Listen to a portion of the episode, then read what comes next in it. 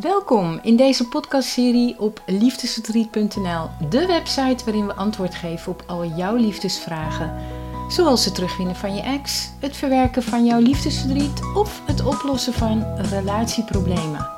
En vandaag heb ik weer een nieuw onderwerp voor je, dus luister mee en jij weet weer een stuk meer over jouw liefdesleven.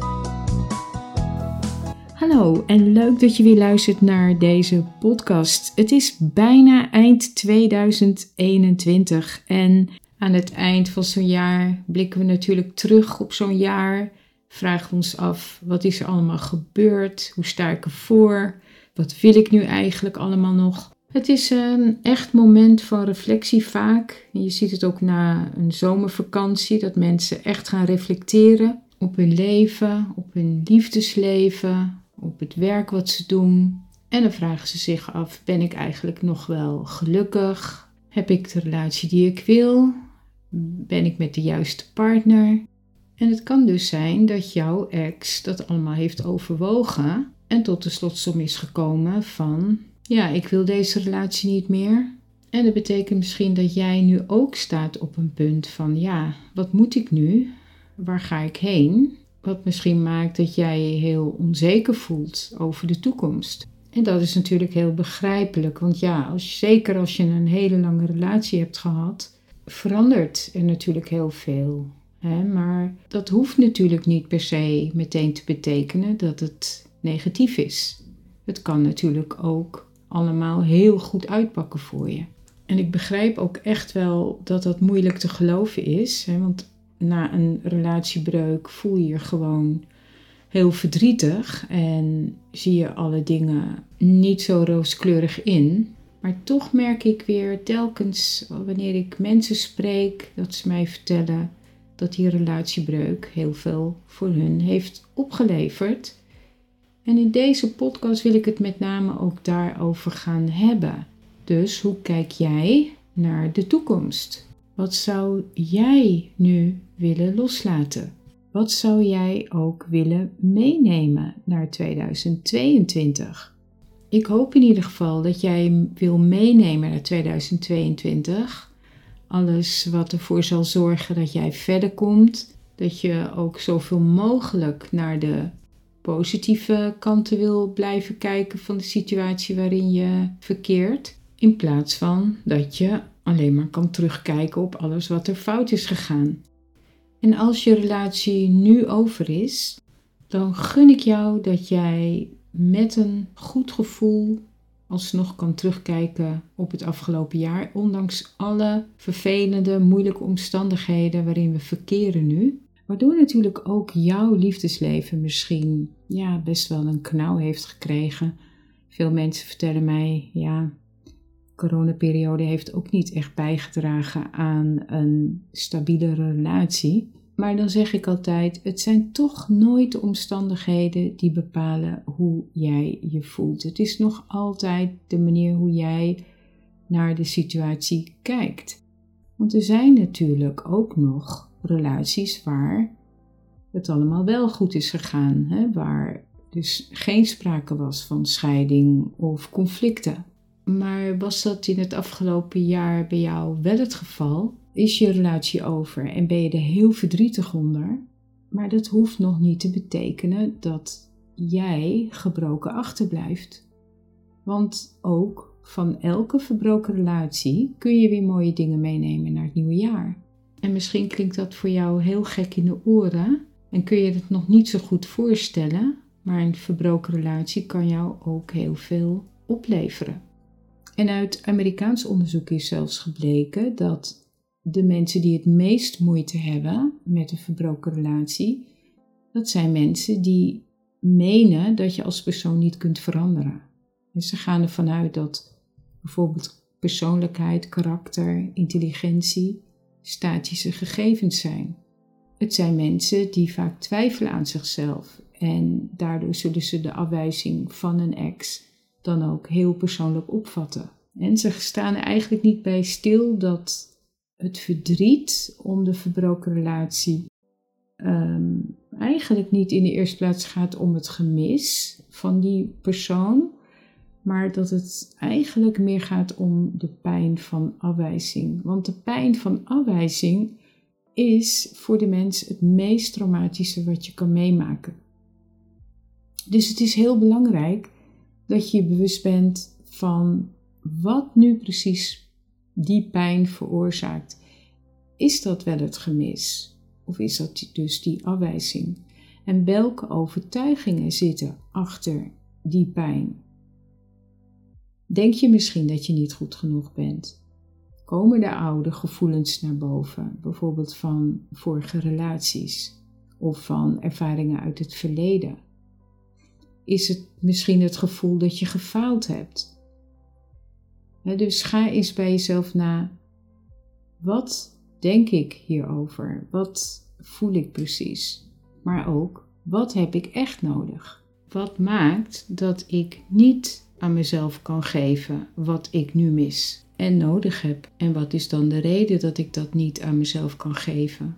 En uh, ja, nou ja, goed, dat kunnen dus ervaringen zijn. Dus het is een interessante vraag. Wat heb ik meegemaakt dat ik dat mezelf niet kan geven? Want het gaat na een breuk eigenlijk niet om die ex. Al denk je dat misschien wel, maar het gaat meer om de vraag wat je zelf moet doen om je waardig te voelen, om je goed genoeg te voelen. Ik zeg altijd dat de reden dat je relatie over is, is dat je ex met een boodschap in je leven kwam. Dat deze ervaring jou iets wilde leren. Het wilde jou iets in laten zien. Er zit altijd een boodschap achter een verbroken relatie. En misschien is dat wel dat jij dat je gedwongen wordt op een of andere manier om over jezelf na te denken. Dat je gedwongen wordt om na te denken over vragen als: wat denk ik eigenlijk over mezelf? Zie ik mezelf als een waardevol persoon? En hoe kijk ik tegen liefdesrelaties aan? Wat denk ik over geven en ontvangen? Hoe kan ik ontvangen? Vind ik het moeilijk om te ontvangen? Want dat is het vaak. Hè? Mensen vinden het vaak heel moeilijk om te ontvangen. En anderen weer vinden het heel moeilijk om te geven. Maar goed, de moeilijkste taak na een relatiebreuk is dus om heel eerlijk te zijn naar jezelf. Om ook heel eerlijk over je ex te denken. En dat, dat wordt heel moeilijk om daar de antwoorden op te geven als jij nu heel boos of verdrietig bent. En misschien ben je wel allebei. Misschien ben je wel en boos en verdrietig. En als dat zo is, dan raad ik je aan om eerst wat te doen met die boosheid. Dat je eerst je afvraagt: wat maakt dat ik boos ben? Wat zit daaronder? En dan ga je aan de slag met je verdriet. Wat maakt dat ik verdrietig ben? Want door dat verdriet, door de blindheid van dat verdriet, wat dat verdriet kan geven, ga je vaak voorbij aan essentiële vragen. Vragen zoals: ja, hoe, hoeveel heeft jouw ex ervoor gezorgd dat jij in die relatie kon groeien als mens? Maar ook andersom, hoeveel heb jij ervoor gezorgd dat jouw ex kon groeien? dus ehm, ja, als je verblind wordt door al deze verdrietige gevoelens, dan ben je heel bezig met, oh, ik mis hem of haar. Of dat, die, die focus van alles wat je niet hebt, voorkomt dat jij je bezighoudt met dit soort essentiële vragen eigenlijk. En als ik mensen vraag wat ze geleerd hebben van, van de breuk, hoor ik vaak dat ze geleerd hebben dat opkroepen van emoties en gevoelens echt het slechtste is wat je kunt doen. En ook hoor ik af en toe dat er een stemmetje was, eigenlijk al aan het begin van de relatie, die vertelde: hey, investeer jij niet te hard in die relatie? Doe jij niet al te veel nu al? En dat je dan toch doorging uit angst om die ander te verliezen. Mensen zijn vaak vergeten dat dat stemmetje toen al aanwezig was, dat er iets niet klopt. Ehm, Maar er zijn ook mensen die zeggen, na mijn relatiebreuk heb ik gewoon ook beter inzicht gekregen in mijn eigen gedrag. Ze hebben dan ook meer inzicht gekregen in wat hun triggert, welke ervaringen uit het verleden de triggers zijn.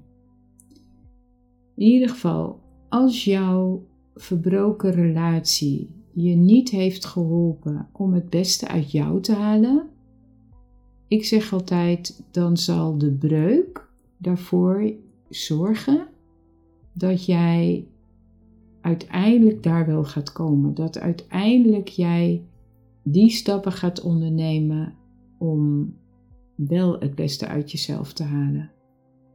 Want deze ervaring, vergeet het niet, levert je niet alleen boosheid en verdriet op. Deze ervaring kan je ook heel veel opleveren.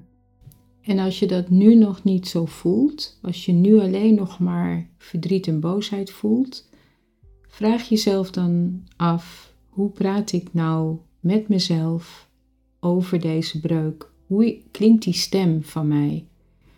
Klinkt die stem aardig? Klinkt die stem verwijtend? dus uh, het is heel belangrijk dat je bewust bent van de manier hoe je met jezelf praat. Want dat maakt ook hoe jij naar situaties kijkt en in hoeverre jij kunt loslaten.